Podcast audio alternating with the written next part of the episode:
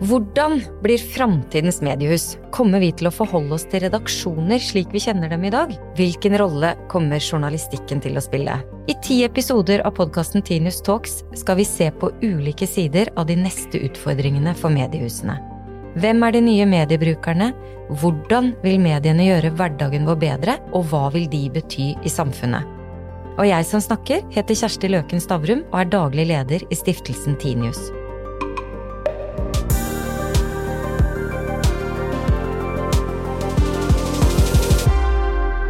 Her i Stiftelsen Tinius er vi godt i gang med en podkastserie om fremtidens medier, eller mediene i framtiden. Og nå skal vi snakke særlig om journalistikk i framtiden. Og til å gjøre det så har vi invitert Kristin Clemet. Velkommen. Tusen takk skal du ha. Du er jo leder av tenketanken Civita. Og så har du en lang karriere bak deg som politiker. Du er vel for så vidt litt politiker ennå, eh, tror jeg det er riktig å si. Eh, du har vært statsråd i to perioder. Og så er du en aktiv blogger. Og alle de tingene gjør det veldig interessant å snakke med deg om dette, særlig fordi du jo jevnlig refser mediene. Liker du norske medier?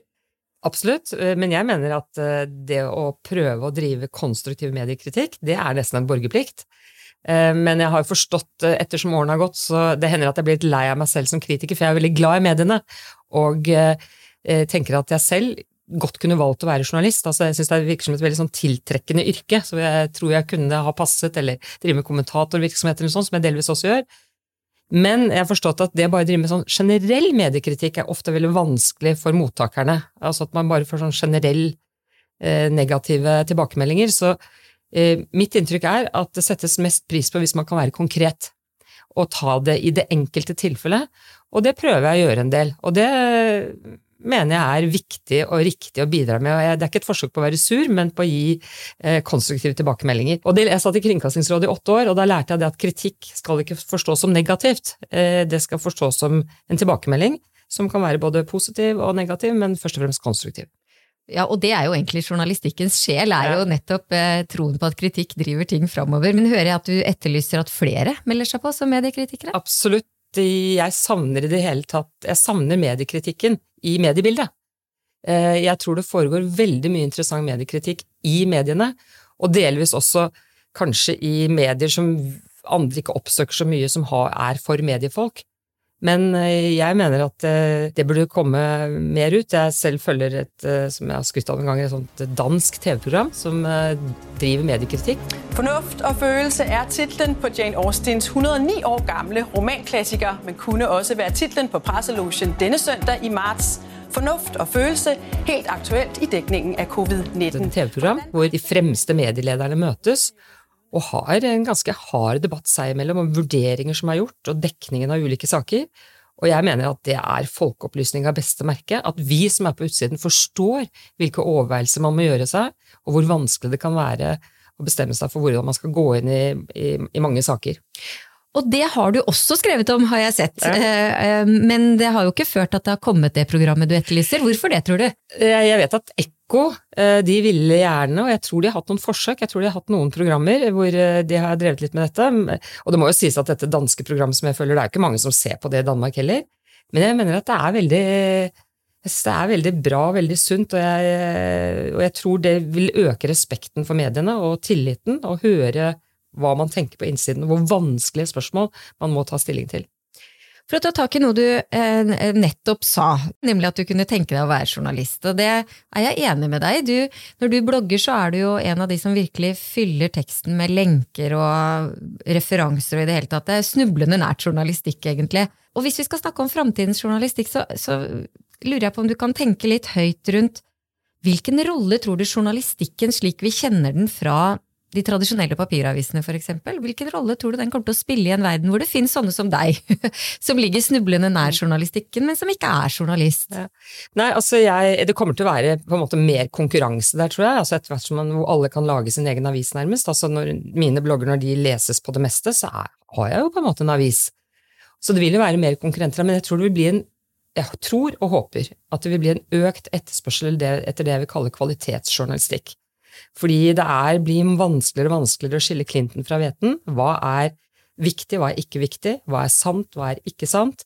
Og det her tror jeg at eh, redigerte medier kan få en renessanse, rett og slett fordi vi blir mer avhengig av at vi vet at vi kan stole på visse medier, for vi kan ikke stole på alt. Og det syns jeg er liksom noe av det mest spennende med altså journalistikk på sitt beste, det er for meg opplysning, først og fremst. Men så er det også å ta fatt i det som er viktigst, ikke det som er minst viktig. Mediene synder jo en del, får man jo si. Men dette syns jeg er veldig spennende. Og så er det jo å holde sannhetsfanen veldig høyt, eh, og prøve å, å, si det som er riktig og det som er sant, og holde et høyt presisjonsnivå. Det, ja, det tiltrekker meg å prøve å, å, gjøre, og gjøre det av og til enda bedre enn jeg ser i mediene, men jeg tror at det blir økt etterspørsel etter dette. Men hvilke komponenter er det i kvalitetsjournalistikk? da? Du nevner noe, men det er mer innenfra ut. For, meg, for den som er bruker da, av mm. journalistikken, hvordan skal du kunne kjenne, Hva kjennetegner kvalitetsjournalistikk? For meg er det at jeg da kan stole på det.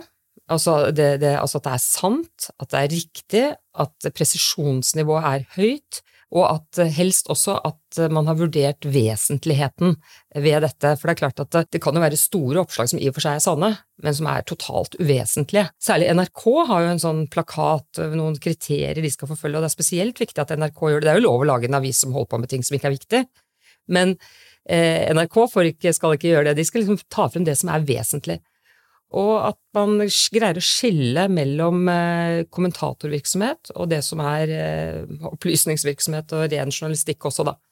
Eh, og det, der syndes jo også en del, vil jeg jo si. Ja, der tenker vel jeg også at den digitale verden, det er ikke så lett for folk å skille kommentering fra journalistikk heller, all den tid journalisten er ganske personifisert. Mm. Og for øvrig, det digitale dyrker jo veldig influenserrollen, så kan du tulle med den i noen sammenhenger, men du er jo også en inf digital influenser. Mm.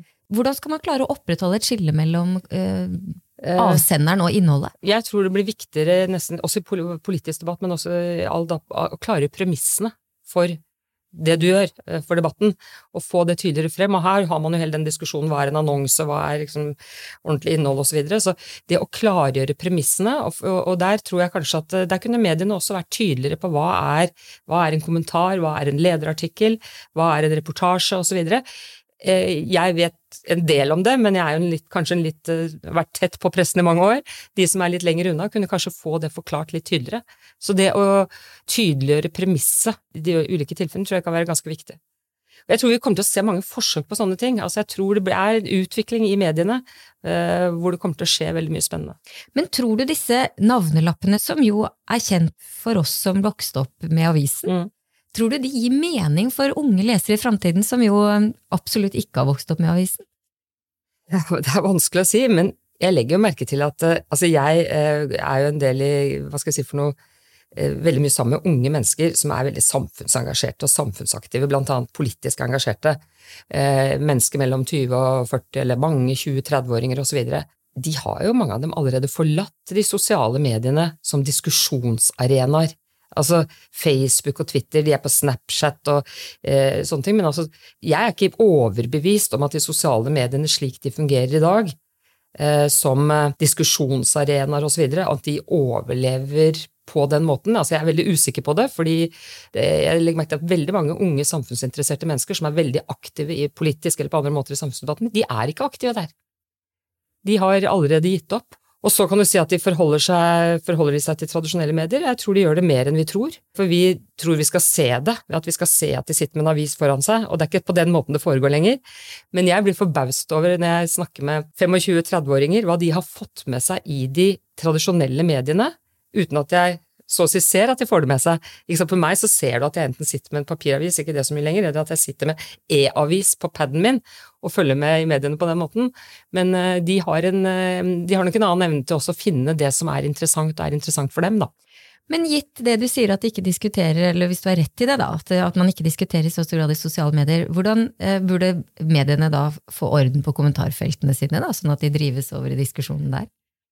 Ikke peiling, men uh, Nei, jeg sier ikke at Det er jo et tungt kapittel. Det er ikke slik at jeg mener at all diskusjon har flyttet seg vekk derfra, men jeg bare sier at de som er mest aktive i samfunnsdebatten, er ofte ikke så ivrige der lenger. De var det for noen år siden. Og det syns jeg er i hvert fall interessant å legge merke til. De er på sosiale medier, men ikke de plattformene hvor det eh, Jeg trodde det skulle utvikle seg til mye mer viktige debattarenaer enn enn det er blitt eksempel Twitter.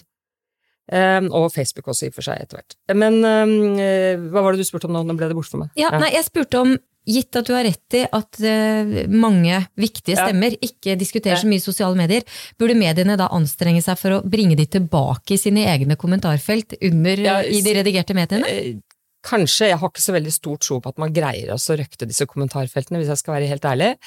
Eh, Så ja, jeg vet ikke hvilken, om de har en veldig stor verdi, egentlig. Det vet jeg ikke jeg, for de tradisjonelle mediene. Jeg- Nei, for det er jo noe Nei. man sliter med stadig, Ja, men samtidig sant, skulle du- man vel gjerne hatt debatten i et, et Ja, men det, men det ser ut som det er veldig veldig vanskelig å holde den på et spor som er meningsfylt, og at det utvikler seg veldig veldig dårlig. De bruker jo dette, disse kommentarfeltene, disse såkalte alternative mediene, og jeg er ikke ofte å se på det, men scroller man seg gjennom, så er det jo absolutt ingen fornøyelse. Altså det er veldig, veldig dårlig ytringskultur, og eh, det er liksom helt ufattelig hvor mye stygt og ondskapsfullt som kan skrives. Og dette her jeg lurer på liksom, Er det mer av det der ute enn det var før? Det, det syns jeg er veldig vanskelig å bedømme, fordi jeg, ble jo offentlig kjent som politiker for øh, godt over eller 30 år siden. Og jeg fikk jo si, drapstrusler og skjellsord etter meg da også, men da, da kom det brev i posten delvis. Jeg husker de første truslene jeg fikk, og, og hatmeldingene jeg fikk, de var jo da sittet og klippet ut bokstaver i Donald og limt på et ark ikke sant, og sendt i en konvolutt hjem til meg. Så det gikk jo litt saktere, og det ble jo ikke så mye. Men det kan jo hende at det var like mange der ute som Bare at de ikke hadde tilgang nei, til saks det og var, Donald. gren, det var grenser for hvor mange som gadd å gjøre det store arbeidet Mm. som det var å skjelle ut en politiker den gangen.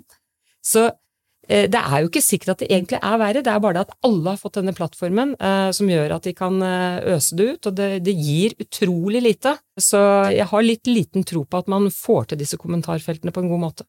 Det krever veldig mye ressurser, og spørsmålet er skal man prioritere det? Skal man liksom ha ti folk i en avis som sitter bare og, og, og kikker på kommentarfeltene og tar ut det som ikke kan passere osv.? Det er jo også en ressursbruk som kanskje ikke forsvarer seg.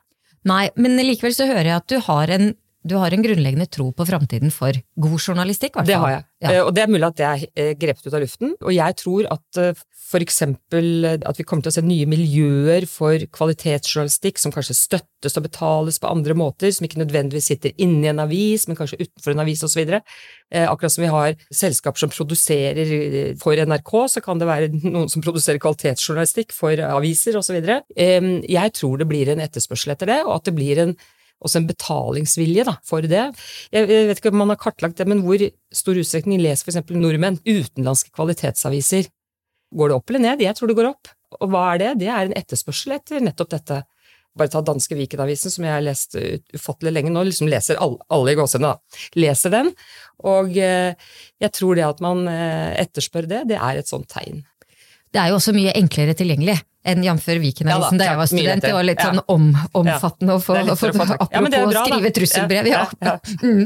Men la oss ta litt om mediemangfold, da. Fordi eh, hele mediepolitikken er jo eh, skrudd sammen for at vi skal sikre et mangfold Mm. av journalistikk. Er det et mangfold av journalistikk i Norge i dag? Jeg syns mangfoldet kunne vært større. Nå er det alltid en feilkilde å spørre et menneske, for eksempel. Jeg er veldig interessert i politikk, men jeg leser veldig lite om sport, da, ikke sant, så jeg kan ikke si så mye om sportsdekningen. Men, men jeg kan vel si at eh, det er visse ting, sånne hull, føler jeg. Altså, jeg syns eksempel at næringsliv og økonomi er dårlig dekket i Norge i de allmennkulturelle avisene. Altså, vi har jo Dagens Næringsliv og Finansavisen, men det blir på en måte ekkokammer. Eh, Så det syns jeg er en veldig dårlig dekning. Eh, Jeg ser at det er noen som altså, skal prioritere det sterkere nå. Jeg nevnte det med mediekritikk i, i mediene. Og så syns jeg vel, når vi skal ta det politiske, det er jo, jeg har sagt mange ganger dette her med at eh, journalistikken kommer mer inn fra venstresiden enn fra høyresiden, og det står jeg ved, men hvis jeg skulle si noe mer, litt mer generelt, vil jeg si at jeg syns det politiske spennet i de, nå snakker jeg ikke om de alternative mediene, men i de tradisjonelle mediene er ganske smalt i Norge. Liksom mellom hva skal jeg si for noe venstresiden og høyresiden, da, så er det jo ganske små altså Lederartiklene kunne nesten bare byttet plass i ulike aviser. Det er ganske liten forskjell. Eh, Så jeg skulle gjerne ønsket på et litt større spenn, sånn at det var litt dristigere ideer, da. Kanskje særlig mot høyresiden, som også fant veien til eh, kommentarplass og lederplass videre. Men hvordan kan man få til det, tror du? Nei, det, det, det må jo skje gjennom eh, redaktørene, da. Altså, ikke sant? Vi, vi har jo sett eksempler på det. Altså, det er jo snakket en del om at f.eks. da Trine Eilertsen var redaktør i Bergens Tidende, så ble avisen, og også etterpå, liksom en tydeligere borgerlig-liberal avis. Så er det diskutert, har vi sett veldig mye etter at hun ble politisk redaktør i Aftenposten. Det er det delte meninger om. Nå blir hun ansvarlig redaktør. Kommer vi til å se noen forskjell der? Eh, jeg syns jo det hadde vært spennende. Jeg syns jo det, det, som har vært spennende i Dagens Næringsliv da, med Kjetil Alstheim, har jo vært eh, ganske tydelige på lederplass og kommentarplass. Eh, og det syns jeg er stimulerende for debatten. Innbiller meg at det gjør forskjellen på en god og en dårlig dag for deg. Eh, ja, ja, ja det, er, det, er veld, det, er, veldig gøy når det liksom er noen som tør å ha en mening og begrunne en mening som ikke hvermannsen har, da. Det... Men samtidig så har jo du vært veldig kritisk mot Resett, for eksempel, som jo må sies i hvert fall å være et, et forsøk på å dra noe ut på høyresiden. Ja, altså Vi må jo anerkjenne at når disse mediene dukker opp, eh, så har det jo med at eh, de tradisjonelle mediene kanskje ikke har vært flinke nok til å dekke visse temaer som befolkningen har vært de facto vært opptatt av. Innvandring er jo det klassiske eksempel, men for meg holder ikke det Eh, den fornødne kvalitet. Det er ikke redaktørstyrt, sånn som jeg forbinder eh, et redigert medium med. Jeg føler ikke at jeg liksom kan stole på det. Jeg syns de går utenfor det som er anerkjente eh, etiske prinsipper for pressen. Og jeg deler jo heller ikke deres meninger, men det er noen annen sak. Man må jo tåle å lese det likevel. Så dette her er ikke Eh, det, er ikke en type medier som jeg føler jeg kan stole på, som er veldig viktig eh, for det vi nå nettopp har snakket om, altså kvalitets... Og derved representerer det heller ingen reell utfordring for journalistikken, tenker du? Det er utfordring på den måten at jeg tror vi må si at de alternative mediene, både i Norge og andre land, har eh, ført til at de tradisjonelle mediene har måttet åpne opp debatter og sette søkelyset på temaer som de tidligere liksom ikke ville røre ordentlig ved. Det har vært en form for politisk korrekthet der som har gjort at man ikke har gjort det. Og det, det må man si er i seg selv sunt og bra. Mm. Det er det jo. Hvis du liksom spoler båndet litt bakover, så, så, antar jeg at du like mye som meg har fått med deg at eh, det er blitt en slags sånn eh, en del av det journalistiske DNA å være bekymret for eh, de økonomiske forholdene for mm. journalistikken. Mm. Mm. Hvordan skal det lønne seg, og hvem skal betale for journalistikk? Er du, er du tilsvarende bekymret for journalistikkens økonomiske vilkår? Ja, det vil jeg vel si at jeg er, men, og jeg er ingen ekspert på dette, men mitt inntrykk er at eller jeg har for mer en følelse av etter hvert at dette her er en overgang, en omstilling til å finne nye forretningsmodeller. Eh, og jeg tror også at kvalitetsjournalistikk kan komme til å bli støttet av ja, Du representerer selv en stiftelse, men det er masse sti Altså, det er, eh, det er mange penger der ute på jakt etter gode formål. Uh, Civita vil gjerne ha en del av de pengene, for vi er en ideell organisasjon, men vi kan ikke forvente å få alle. Men jeg tror at kvalitetsjournalistikk kan komme til å være et godt formål, også i, i, i fremtiden, og noe som kan støttes. Akkurat som man kan støtte forskning, så kan man eller en tenketank, så kan man komme til å også støtte kvalitetsjournalistikk.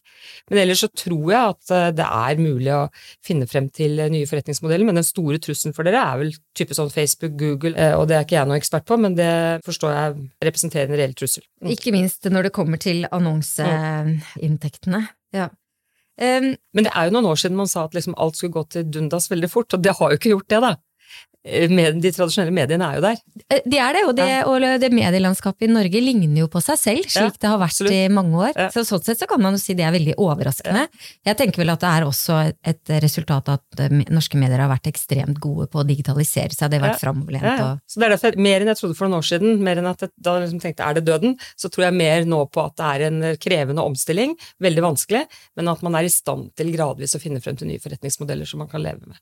Og så sier du at andre bør eh, kunne se til medier som et formål man kan støtte, men burde politikerne gjøre mer, syns du, for å bygge opp eh, Det kan godt være. Jeg er ikke, ikke noen ekspert på det heller, men jeg er ikke overbevist om at det man i dag, eh, måten man i dag støtter mediene på, er den riktige måten. Nå har vi hatt et helt utvalg som har sett på dette her, men, men eh, jeg er ikke alltid sikker på om man bidrar til det mangfoldet man sier man skal bidra til. Jeg tror kanskje man kan bidra til mer konservering da, enn til fornyelse eh, risikerer å gjøre det, i hvert fall.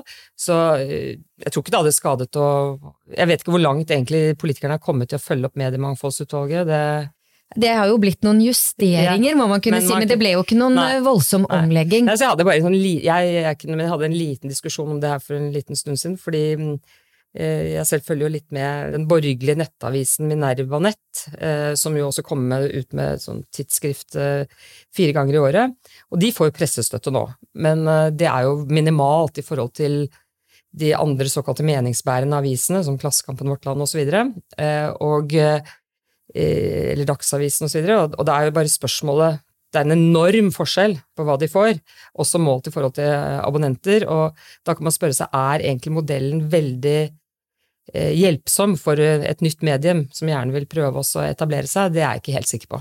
Så det er mulig de pengene skulle vært fordelt litt annerledes altså for å stimulere til større mangfold. Ja, ikke sant. Det, det, kan, det kan, veldig gjerne være. Men, men, det du jo definitivt er greie på, er jo meningen i samfunnet, og gir dagens mediepolitikk eh, det meningsmangfoldet, som det jo er ment også å gjøre? Nei, det er vel det som jeg ikke, som jeg sa, da, at spennet er litt lavt, og det er klart at, eller litt smalt. Og eh, det er klart det sto i Dagsavisen, jeg noterte det før jeg kom hit, for at en lederartikkel forleden så sto det jo i Dagsavisen at eh, det kan være at norske journalister er venstreorienterte fordi det ligger i oppdragets natur. Eh, og det er klart at hvis det er en utbredt oppfatning, da har vi et problem. Eh, for det ligger etter min oppfatning ikke i oppdragets natur. Eh, så, eh, men, men, hvis det er en slags oppfatning, så blir det veldig, veldig trangt, altså. Det... Men da skal jeg avslutte med, det, med et siste spørsmål, egentlig. For hvilken rolle er det journalistikken skal spille i samfunnet, da? Først og fremst, hvis jeg skal svare kort, opplysning.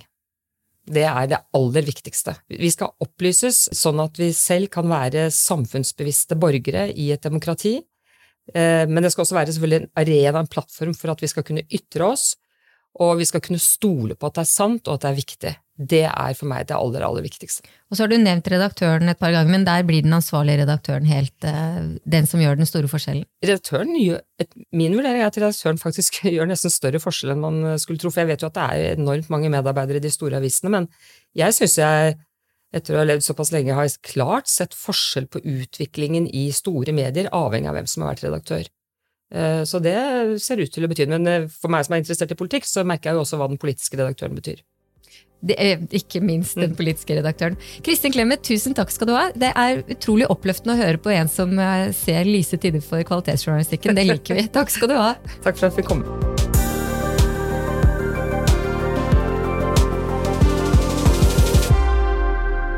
Denne podkasten er produsert av Hansine Korslien for Stiftelsen Tinius.